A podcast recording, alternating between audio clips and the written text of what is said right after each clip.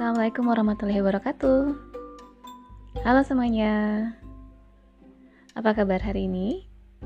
Mudah-mudahan masih dalam kondisi yang sehat dan afiat tentu saja ya. Kita bertemu lagi dengan Ibu. Kali ini kita akan memasuki mata kuliah metode pengembangan fisik dan motorik di pertemuan ketiga yang akan membahas tentang tahap pertumbuhan dan perkembangan masa kanak-kanak. Baik, sudah siap untuk menyimak penjelasan kali ini? Silakan Anda membuka PowerPoint yang sudah Ibu berikan melalui uh, eh, PDF di e-kuliah ya.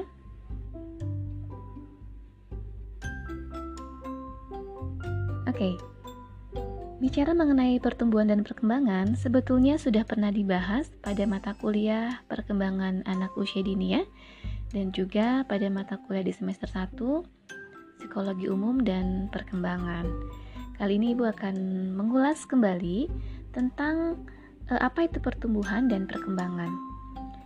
Jadi, pertumbuhan itu adalah adanya proses peningkatan yang terjadi pada diri individu yang perubahan itu secara kuantitatif atau dalam hal ini adalah dari sisi ukuran begitu ya. Nah, misalnya e, tinggi badan, berat badan, kemudian lebar bahu, kemudian panggul begitu ya. Nah, itu termasuk ke dalam perubahan-perubahan fisik. Nah, adapun e, perkembangan, perubahan itu terkait dengan kapasitas fungsional atau keberfungsian kerja dari organ-organ tubuh pada keadaan yang semakin terorganisasi dan juga terspesialisasi. Nah, apa maksudnya? Terorganisasi ini artinya semakin bisa dikendalikan sesuai dengan kemauan, begitu ya. Kalau terspesialisasi, semakin berfungsi sesuai dengan mas, e, fungsinya masing-masing. Contoh misalnya pada e, semakin terorganisasi pada anak usia 6 bulan, begitu ya Nah, di usia 6 bulan, kemampuan fisiknya itu ketika diberdirikan, e, kemudian e, dia tidak bisa masih tidak bisa menopang tubuhnya begitu ya. Walaupun dia sudah mulai e, bisa berdiri dengan bantuan dari orang tua. Nah, yang sebelumnya dia sama sekali tidak bisa duduk saja agak sulit begitu ya, jatuh lagi jatuh lagi. Nah, kemudian dia semakin terorganisasi dengan apa cirinya ya tadi ya? Semakin bisa dikendalikan.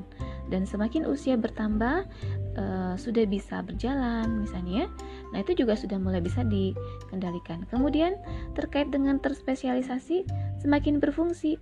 Yang sebelumnya misalnya uh, jarinya hanya bisa menggenggam meraih tapi kemudian sudah bisa mem memegang pensil, sudah bisa menulis, begitu ya. Nah, itu contoh dari terspesialisasi. Paham ya? Oke, baik. Kita berikutnya akan masuk pada penjelasan tentang tahap perkembangan dan pertumbuhan masa kanak-kanak. Pembahasan pertama tentang usia perkembangan ya. Nah, jadi eh, Anda perlu tahu bahwa kita sebagai individu itu sebetulnya digolongkan dalam uh, digolongkan dalam uh, usia-usia tertentu begitu ya. Nah, usia-usia ini adalah semacam perkiraan-perkiraan. Nah, ada perkiraan-perkiraan, ada empat perkiraan-perkiraan usia. Yang pertama adalah ada usia uh, kronologis atau disebut juga sebetulnya dengan usia kalender. Usia kalender itu adalah usia uh, kita dilahirkan ya, misalnya ibu dilahirkan di tahun 2000 ya ibu usia sekarang berarti eh, uh, 20 sama kayak kalian ya itu kan juga masih muda. Nah itu usia kalender ya. Nah berikutnya adalah ada lagi namanya usia anatomik. Nah usia anatomik ini terkait dengan pertumbuhan tulang-tulang kerangka ya. Nah biasanya tulang yang sering dipakai sebagai ukuran untuk memperkirakan usia seseorang itu adalah e, tulang di pergelangan tangan. Atau juga kalau misalnya yang lain itu juga e, kalau menggunakan sinar X, pemotretan sinar X begitu ya. Biasanya ditetapkan juga dari e, apa namanya? E, gigi ya. Nah, makanya misalnya kalau dalam e, kejadian-kejadian tertentu, misalnya ada pembunuhan atau ada bencana, kemudian sudah rusak begitu ya e, sudah tidak bisa dikenali lagi tapi masih bisa dikenali dari usia tulang tadi ya dari pergelangan ataupun juga gigi. Makanya kita bisa e, apa makanya polisi bisa e, ataupun dokter bisa menentukan usia berapa korban ini. Ataupun misalnya mumi ya. Nah mumi itu kan sudah ribuan tahun bahkan ada yang puluhan ribu tahun begitu tapi masih bisa e, teridentifikasi usianya. Nah itu karena adanya usia anatomik begitu ya. Atau kalau misalnya pada pohon ada juga usia anatomiknya. Dari mana? Dari lingkaran uh, di dalam batang ya atau biasanya kita mengatakan kambium ya. Ya kambium. Nah berikutnya ada lagi usia fisiologis nah usia fisiologis ini terkait dengan usia pubertas ya atau usia kalau dalam Islam tuh akil balik Nah, usia pubertas itu setiap orang tuh beda-beda. Ada yang usianya 11 tahun, ada yang uh, eh, 13 tahun, begitu ya, umumnya 12-13 tahun. Tapi ada juga yang dia baru pubertas, artinya misalnya baru haid kalau pada perempuan, itu di usia 17-18 tahun. Nah, usia fisiologis ini uh, berbeda ya, sekali lagi. Nah, nanti ditandai dengan apa? Ditandai dengan perubahan-perubahan misalnya uh, pada laki-laki misalnya perubahan suara begitu ya kemudian mimpi basah pada perempuan misalnya menstruasi dan lain sebagainya. Nah itu terkait dengan usia perkembangan. Berikutnya kita masuk pada pertumbuhan fisik dan gerak dari berbagai usia gitu ya. Nah pertama kita lihat dari uh, selama prenatal terlebih dahulu ya. Nah selama prenatal uh, ini atau dalam kandungan ya. Jadi pertumbuhan ini uh, apa namanya uh, sangat cepat umumnya begitu ya. Nah jadi pertumbuhan panjangnya ini kalau per tahun di usia ini di usia prenatal atau di janin itu 50 cm per tahun. Nah ya, kok cepat sekali 50 cm per tahun? Ya iyalah, dilahirkan anak usia berapa? 9 bulan ya dilahirkan. Di 9 bulan makanya kemudian anak-anak uh, yang bayi yang dilahirkan itu kan rata-rata 48 begitu ya 50 51 begitu Nah, kemudian sesudah lahir itu pertumbuhan akan berjalan dengan cepat selama 2 tahun pertama ya. Lalu berikutnya setelah itu akan agak agak sedikit melambat begitu. Uh, terkait dengan uh, waktu lahir ya. Jadi dari dari mulai waktu lahir sampai usia 18 bulan itu ukuran kepala itu relatif uh, lebih besar ya dibanding dengan ukuran tubuh. Coba lihat uh, bayi. Kalau kita lihat bayi, ukuran kepalanya itu kalau kita bandingkan dengan tubuh ya, dengan tubuh dari mulai leher ke bawah, itu sebetulnya uh, ukurannya itu hampir dari kalau dari leher ke bawah itu uh, sama seperti dari leher ke pusar ya uh, apa namanya besarnya kepala bayi. Nah kebayang nggak? Kalau misalnya kita uh, sudah besar masih seperti itu ya? Kebayang betapa besarnya kepala kita? Nah, tapi kan Allah uh, maha maha besar ya. Uh, tahu mana yang harus bertumbuh e, terus mana yang tidak bertumbuh begitu ya. Nah, tapi pada usia bayi sampai 18 bulan ini sangat besar sekali ukuran kepalanya. Begitu ya dibanding seluruh e, tubuhnya. Nah, kemudian perkembangan itu terjadi dari kepala ke bawah begitu ya. Nah, perkembangan dari kepala ke bawah itu namanya cephalocauda. Artinya apa? Artinya misalnya tangan itu akan lebih cepat tumbuh dulu dibanding dengan kaki. Begitu. Uh, maka di usia bayi kalau kita bandingkan panjang tangan dengan panjang kaki itu agak berbeda ya. Nah, kemudian pada pada masa prenatal atau dalam kandungan eh, bakal tangan ini mulai berkembang lebih dulu baru ke kaki ya. Jadi kalau misalnya kita bayangkan, jadi pada pada janin itu kan yang pertama tumbuh itu eh, yang berkembang itu kan dari mulai kepala ya kalau kalian ingat uh, mata kuliah perkembangan prenatal nah itu kan dari kepala dulu. Nah dari kepala membesar begitu. Kemudian dari situ lalu uh, dia memanjang. Nah ketika memanjang kan belum muncul tuh. Belum muncul tangan belum muncul uh, kaki. Nah setelah uh, apa namanya tumbuh kepala kemudian ke bawah badannya maka berikutnya adalah yang yang berkembang itu uh, dari tangan dulu ya. Dari bakal tangan dulu. Dari bakal tangan lalu setelah bakal tangan keluar baru bakal kaki nah ya itu namanya adalah proximodistal atau perkembangan yang berjalannya itu mulai dari sumbu badan ke arah luar, gitu ya. Nah, makanya e, di sini kita bisa melihat pada bayi ini kemampuan lengan ini lebih berkembang dahulu dibanding telapak tangan, ya. Lalu baru kemudian e, menyusul jari jemarinya. Nah, contoh misalnya kalau kita perhatikan cara bayi e, memegang benda yang dapat diraih. Nah, itu kan menunjukkan bahwa dia telapak tangan dulu ya, dia menggenggam dulu begitu. Baru kemudian dia jari-jarinya baru dia bisa meraih. Nah, begitu ya. Nah, seperti itu. Nah, jadi e, terkait dengan sefalokaudal dan proximodistal ini pada perkembangan, maka sebaiknya program pengembangan pada anak ini perlu menekankan aktivitas atau kegiatan dari otot-otot besar ya. Dari otot besar. Kenapa? Karena nanti ini akan berpengaruh terhadap e, organ-organ uh, tubuhnya. Jadi bukan pada otot kecil dulu tapi pada otot besar begitu ya. Itu urutannya. Nah, uh, jadi uh, kenapa harus otot besar? Karena sering kali keterampilan uh, pada otot halus, misalnya apa? Misalnya menulis, misalnya uh, itu diberikan terlalu cepat oleh orang tua, begitu ya. Nah, ini membuat uh, orang tua itu kadang tidak sadar bahwa dia terlalu memaksa anaknya untuk menulis, bukan mencoret, beda ya. Kalau mencoret anak bisa bergerak menggerakkan tangannya ke mana pun ya. Tidak terarah begitu. Tapi kalau menulis itu kan terarah. Nah ini kadang dilakukan terlalu dini begitu ya.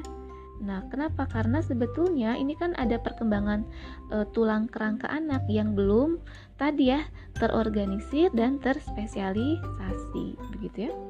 Nah karena tulang kerangka ini pada anak ini kan e, masih empuk ya masih uh, tulang rawan, kemudian masih serat-serat fibril begitu ya. Nah, jadi kan di sini makanya perlu hati-hati karena khawatir nanti akan ada kelainan-kelainan pertumbuhan, bisa kelainan bentuk. Juga ada kesulitan-kesulitan postural dari bentuk seluruh tubuh begitu ya. Ada anak teman ibu uh, di usia 3 bulan dia sudah uh, dibawa menggunakan motor dan didudukan bayangkan ya didudukkan di di antara motor tidak digendong. Nah apa yang terjadi? Yang terjadi e, posisi duduk ketika jadi apa ya pada saat dia duduk itu langsung membungkuk anak itu ya. Jadi tidak ada kayak penopangnya begitu. Nah, terkait dengan tulang-tulang e, rawan tadi ya, ini kan masih berkembang. Makanya kalau pada usia anak kalau misalnya e, terjadi kecelakaan misalnya patah tangan, ya kan sering gitu ya anak jatuh patah tangan. Nah, itu sebetulnya proses penyembuhannya juga lebih cepat karena kan masih masa pertumbuhan. Beda kalau sama kita ya. Kalau pada kita sekarang jatuh e, patah wah itu udah uh, makanya harus dibantu kalau ke rumah sakit ya barangkali di pen barangkali di apa namanya di operasi lalu ditambah dengan besi besi-besi begitu ya. Nah karena memang kalau pada kita ya sudah sudah matang ya. Kalau pada anak dia belum. Begitu ya. Nah jadi uh, dari kondisi ini maka tentu saja uh, guru ataupun orang tua perlu memberikan perlakuan yang sistematis begitu ya pada anak begitu. Jadi jangan kemudian terlalu memaksakan eh, anak-anak untuk bisa bergerak gitu ya.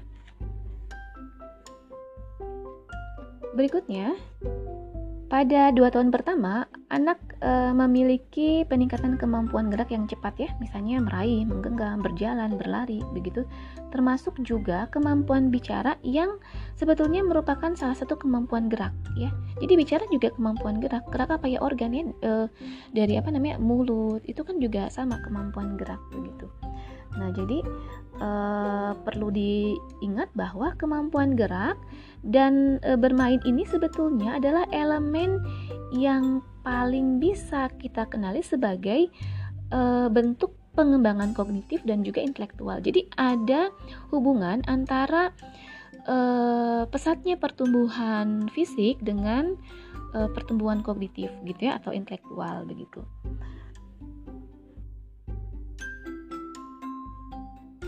Oke. Uh, pada uh, kemampuan gerak, sebetulnya kemampuan gerak ini bisa saja ya berkembang uh, tanpa dilatih begitu karena memang ada pengaruh terkait dengan pertumbuhan dan kematangan begitu. Nah, namun begitu ketika tidak ada uh, latihan atau stimulasi, maka sebetulnya uh, keterampilan geraknya ini hanya akan sampai pada batas minimal saja begitu ya. Jadi misalnya uh, orang misalnya keterampilan berlari ya. Jadi uh, keterampilan berlari itu tanpa dilatih pun sebetulnya uh, bisa berkembang gitu. Jadi uh, siapa pun anak yang normal itu pasti bisa menguasai uh, keterampilan berlari tanpa perlu dilatih begitu ya. Nah, namun sebetulnya uh, sampai di manakah keterampilan ini bisa berkembang kalau tidak dilatih secara khusus begitu ya. Nah, jadi perlu ditekankan bahwa perubahan e, penampilan, penampilan tadi terkait dengan misalnya keterampilan berlari tadi, ini sebetulnya hasil belajar ya. Jadi yang namanya e, hasil belajar itu perubahannya itu sebetulnya melekat begitu ya. E, sedangkan ada perubahan-perubahan lain yang e, sifatnya itu ada yang sementara. Misalnya apa? Misalnya e, kelelahan, misalnya kemudian e, kondisi yang e, perubahan karena obat-obatan misalnya ataupun karena lingkungan misalnya begitu ya. Nah, contohnya misalnya apa?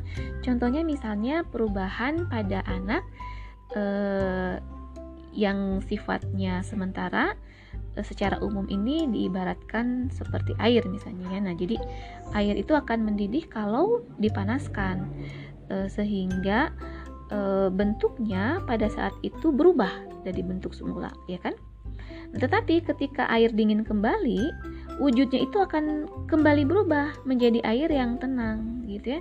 Dan ketika kita lihat tidak ada ciri apa pun yang bisa menandai bahwa air itu sudah berubah, begitu. Nah, ini ibarat ini sama seperti seorang anak yang berubah penampilannya secara kebetulan sehingga pada saat yang lain ketika diamati ternyata nggak ada gitu ya nggak ada tampaknya gitu nah adapun individu yang berubah penampilannya sebagai hasil dari latihan begitu ya e, ini diibaratkan seperti telur. Telur itu kan matang jika direbus begitu ya. Telur yang matang itu kan pasti wujudnya akan berubah total dari keadaan semula begitu. Nah artinya uh, di sini proses belajar dan latihan ini akan mengubah anak menjadi uh, anak akan memiliki kemampuan baru yang lebih menetap begitu ya. Nah, jadi di sini uh, maka kita misalkan bisa melihat anak-anak yang diberikan latihan fisik misalnya anak-anak uh, yang berlatih uh, apa berenang misalnya ya pasti berbeda dengan anak-anak yang tidak dilatih berenang. Nah, itu tadi ya perubahan-perubahan itu kalau dilatih tentu akan sifatnya menetap begitu ya. Nah, dalam memberikan latihan ini guru perlu saja memberikan latihan yang e, dimulai dari yang paling mudah sampai yang paling sukar begitu ya di mana yang sukar ini e, memerlukan koordinasi dari bagian-bagian tubuh secara tepat. Begitu. Jadi misalnya contoh dengan mengubah beban atau kecepatan e, atau frekuensi irama yang harus dilakukan oleh anak. Gitu ya. Nah, latihan pun juga perlu disesuaikan dengan kebutuhan dan kemampuan dari anak-anak. Karena apa? Karena kalau misalnya latihan e, fisik e, atau gerakan-gerakan yang tidak cocok pada usia anak, bukan hanya nggak akan berhasil, tapi juga akan membahayakan anak dari sisi pertumbuhan dan perkembangan, gitu ya. Berikutnya, pertumbuhan dan perkembangan tubuh pertama terkait dengan tulang kerangka. Nah, pertumbuhan anak-anak eh, prasekolah ya lebih lambat dibanding dengan kecepatan pertumbuhan di usia 1 sampai satu setengah ya tadi kan karena e, dua tahun pertama ini pertumbuhannya sangat cepat. Nah begitu usia empat lima enam tahun itu agak sedikit melambat.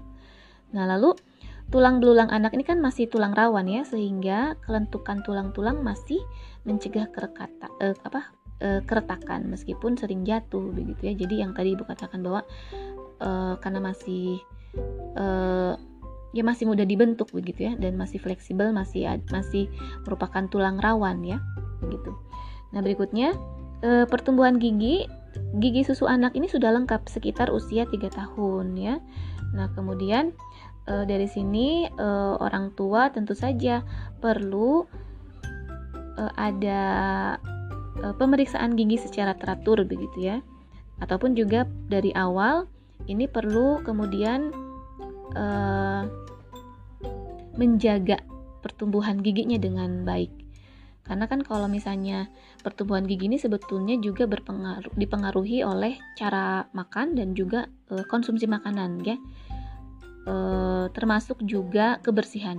Jadi kalau anak jarang membiasakan untuk menggosok gigi, itu email-email gigi gitu ya, bagian-bagian putih itu akan terkikis, maka kemudian yang disisakan itu hanya bagian dalam sehingga suka kelihatan kayak roges ya hitam menghitam gitu atau roges. Nah itu karena sebetulnya e, kebiasaan-kebiasaan yang tidak baik begitu. Nah berikutnya pertumbuhan otot-otot. Nah pertumbuhan otot pada anak ini terbatas pada otot yang besar dulu ya. Lalu dari otot besar e, dari otot lengan kaki perut. Nah nanti baru setelah itu e, ke otot-otot yang lebih kecil begitu ya. Nah berikutnya perkembangan organ tubuh Susunan organ tubuh anak ini sudah cukup matang ya. Jadi kebiasaan-kebiasaan yang seharusnya misalnya dalam e, makan, tidur, buang air itu sebetulnya sudah memadai ya karena kita sudah cukup matang. Begitu.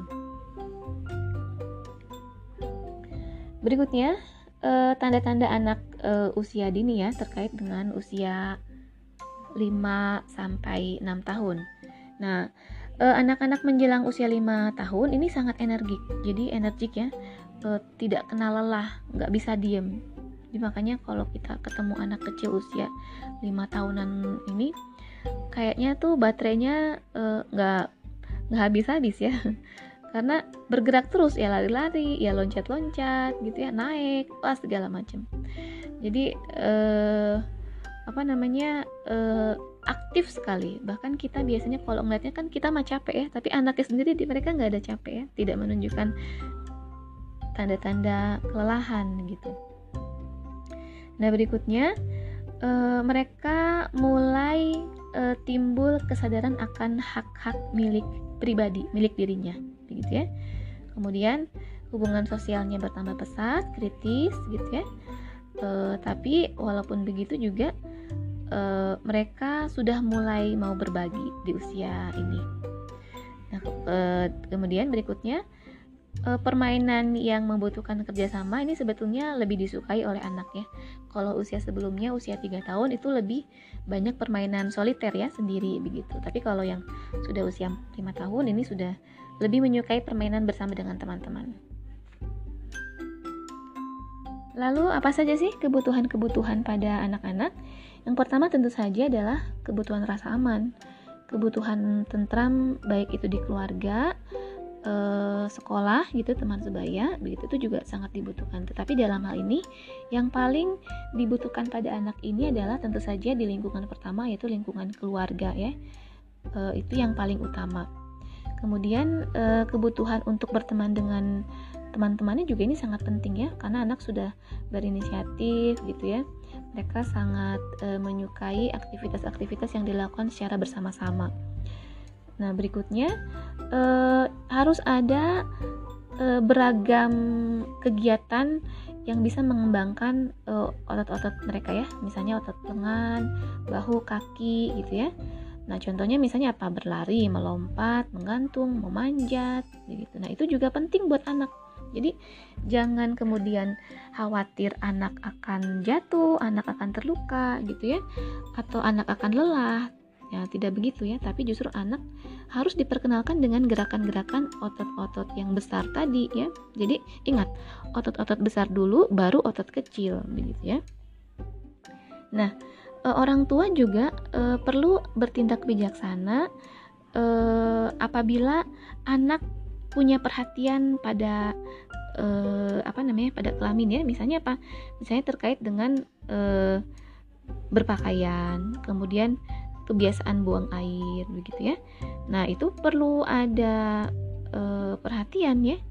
Jangan kemudian uh, anak memang usia usia 4 5 6 tahun dia sudah bisa uh, self help sendiri ya e, bisa ke kamar mandi sendiri. Tapi kita harus bisa memastikan apakah anak e, membersihkan dengan cukup bersih begitu ya.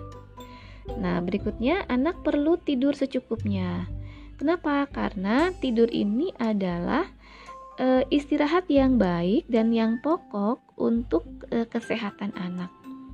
Termasuk juga tidur siang ya. Tidur siang juga sebetulnya dibutuhkan untuk anak.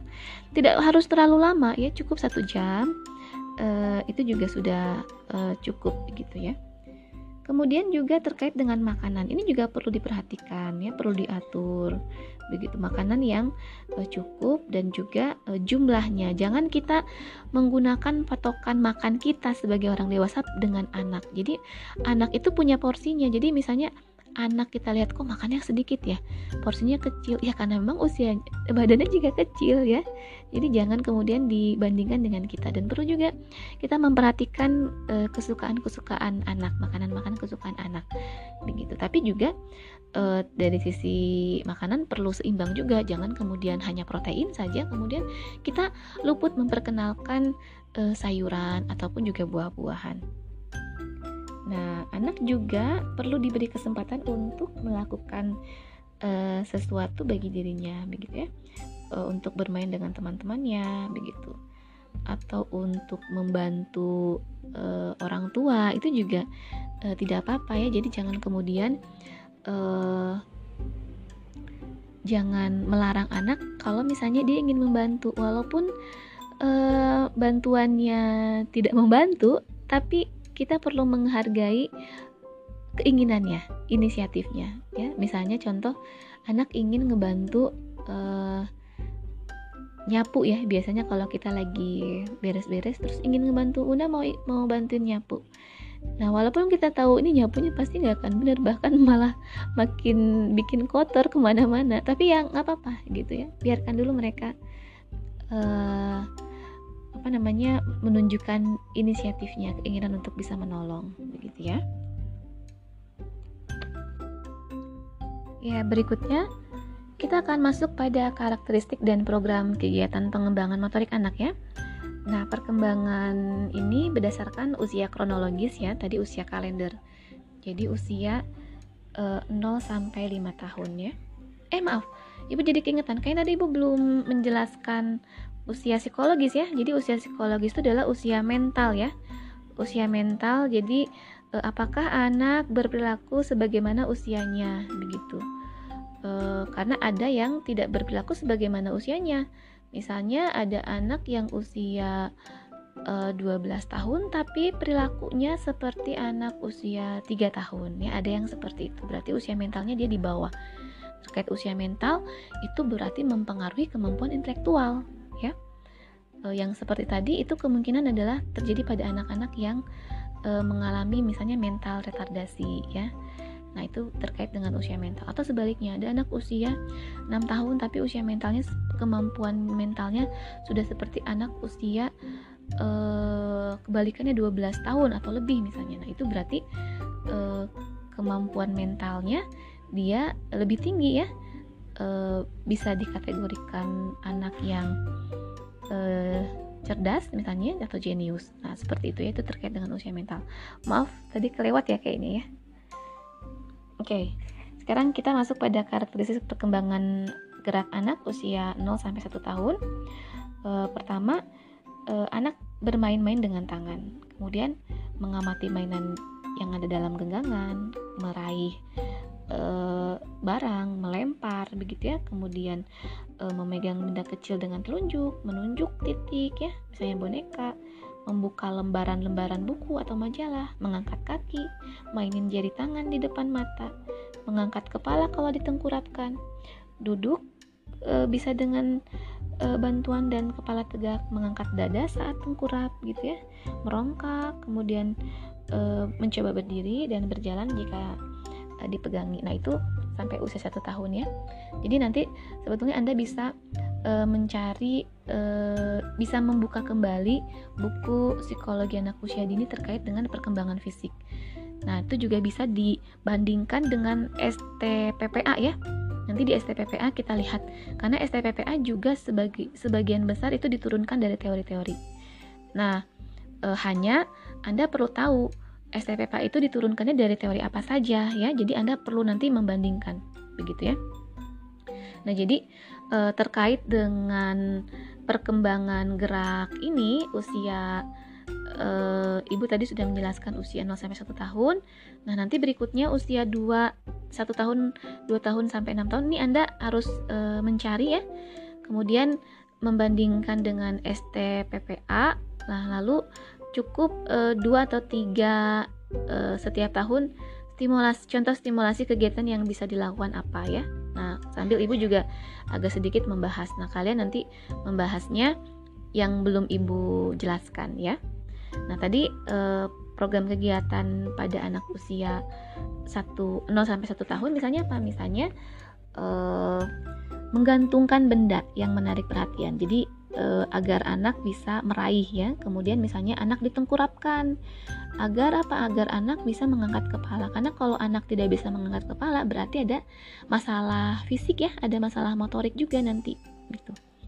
Kemudian misalnya uh, meletakkan benda yang menarik perhatian kurang lebih satu meter kemudian kita lihat uh, anak merangkak untuk mencapai benda itu atau tidak gitu ya nah itu untuk usia 1 0 sampai 1 tahun.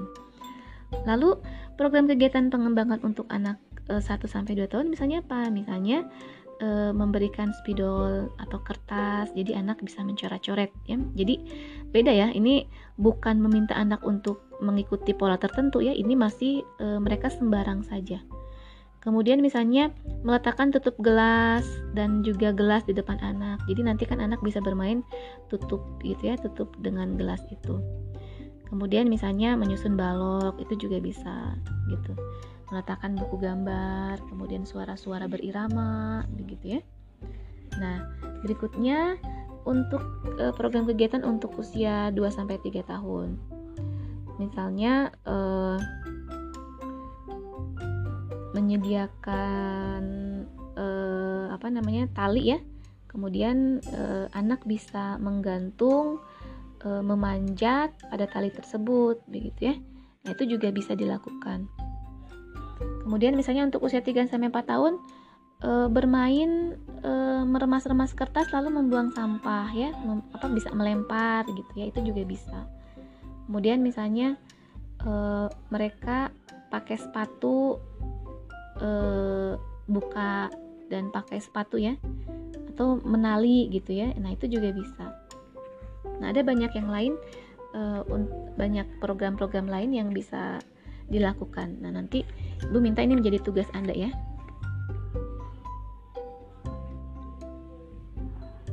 Oke, berikutnya terkait dengan tingkat pengembangan kemampuan gerak ya. Nah, jadi eh, tingkat pengembangan kemampuan gerak ini dikategorikan eh, pada empat tingkatannya. Jadi eh, ada tingkat 1, 2, 3 dan 4. Nah, tingkat satu ini adalah tingkat rendah ya. Jadi yang paling rendah. Ini didominasi oleh gerakan-gerakan refleks. Nah, biasanya terjadi pada usia 3 sampai 4 bulan pertama gitu ya. Nah, gerak refleks ini e, misalnya contoh menggenggam menggenggam e, misalnya apa misalnya menyentuh menyentuhkan benda pada e, telapak tangan bayi. Nah lalu biasanya kita akan bisa melihat bayi dengan refleks dia langsung akan menggenggam begitu ya.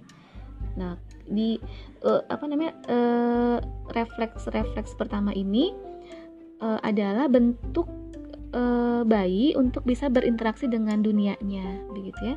Nah hanya gerak refleks ini akan hilang di usia sekitar empat uh, bulan begitu nah kemudian gerak refleks ini juga misalnya uh, terkait juga pada mata kepala begitu ya jadi gerak refleksnya kalau di awal-awal tuh masih lambat begitu Nah, kemudian di tingkat 2.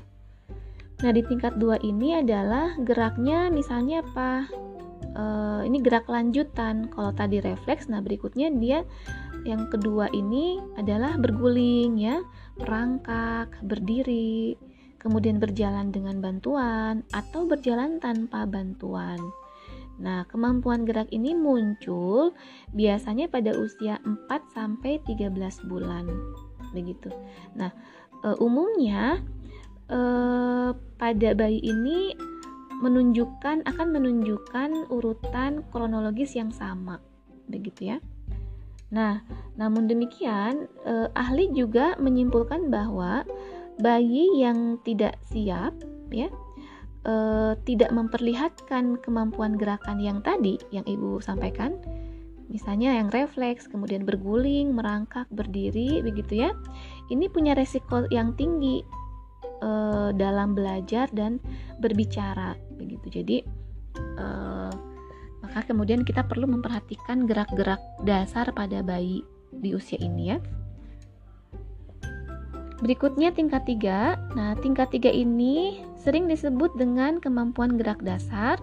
Ini muncul uh, masa akhir bayi sampai 6 uh, 7 tahun begitu ya. Nah, geraknya seperti apa? Misalnya berlari ya, melompat, mengontrol benda. Seperti apa mengontrol benda itu? Melempar, menangkap, memukul, menendang, memantulkan. Nah, itu kan juga perlu kontrol. Nah, kemudian berjalan ini adalah kemampuan motorik terakhir yang dikategorikan sebagai salah satu kemampuan gerak dasar. Nah, gerak dasar ini adalah maksudnya apa? Keterampilan awal untuk mempelajari hal lain. Nah, jadi yang pertama itu ya perlu berjalan terlebih dahulu. Kalau dia sudah bisa berjalan, dia akan bisa mempelajari gerakan-gerakan yang lain. Nah, gerak pertama ini dikategorikan sebagai kemampuan filogenetik atau eh, apa kemampuan makhluk hidup ya. Nah, jadi ini adalah sesuatu hal yang biasa untuk semua makhluk hidup maka dikatakan kemampuan dasar gitu. Nah, berikutnya tingkat 4 ini e, pada tingkatan teratas adalah kemampuan gerak khusus yang e, bisa dikategorikan sebagai kemampuan kalau tadi filogenetik, kalau sekarang ontogenetik. Apa itu ontogenetik?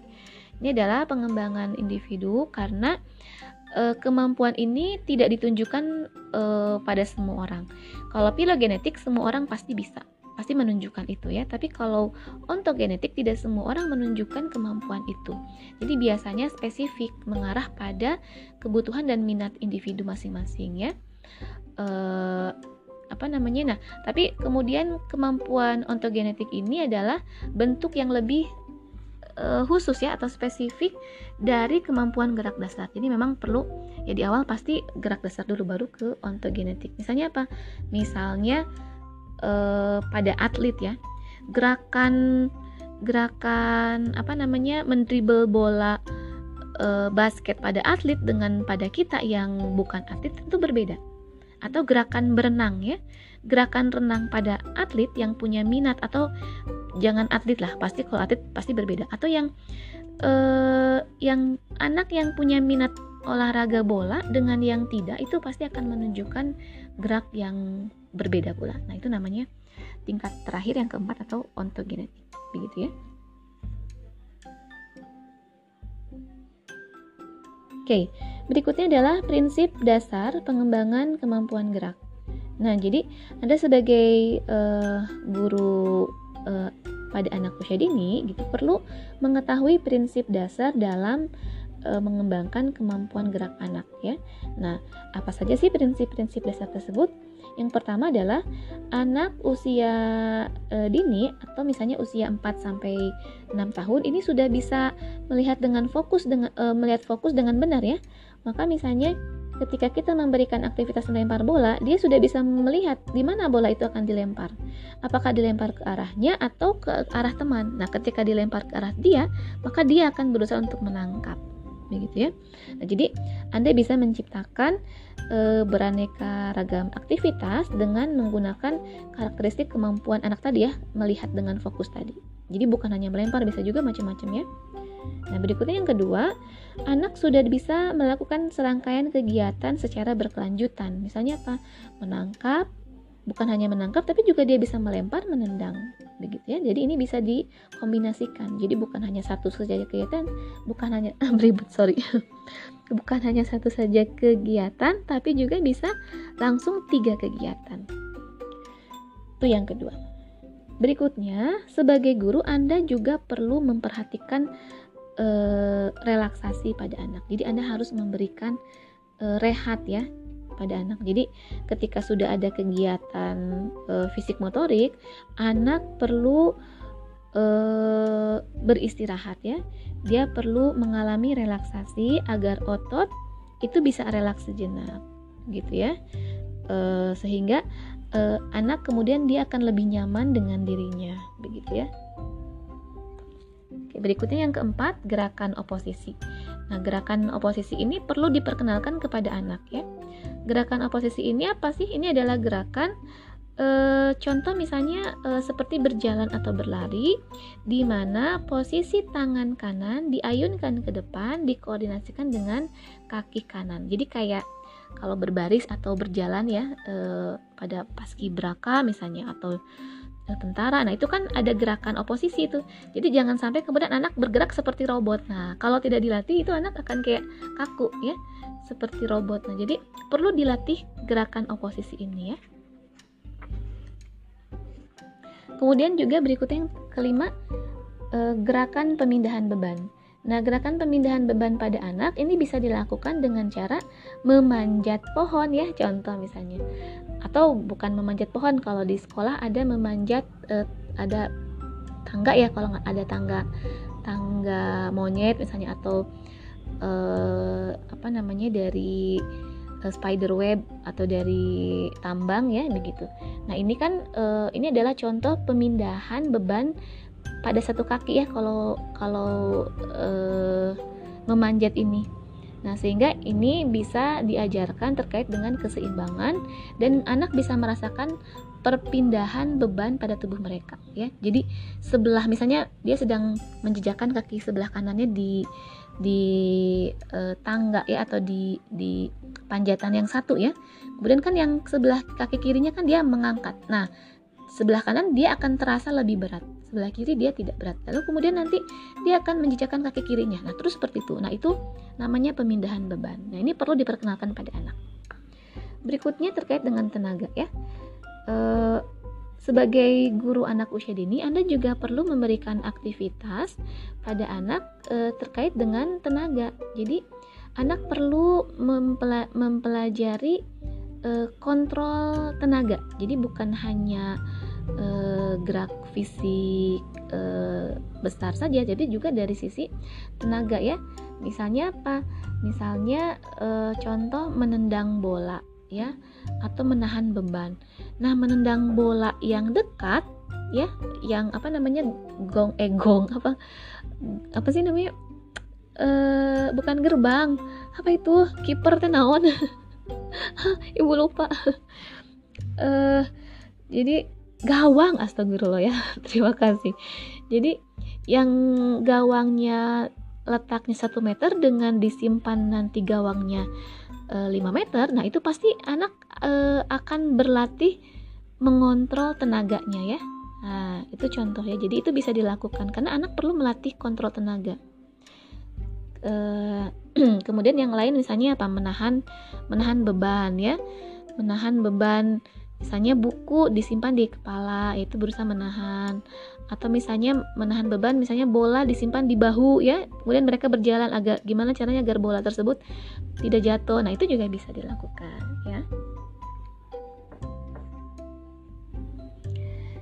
Baik, terakhir Ibu akan menjelaskan tentang faktor-faktor yang mempengaruhi uh, pengembangan kemampuan gerak pada anak ya.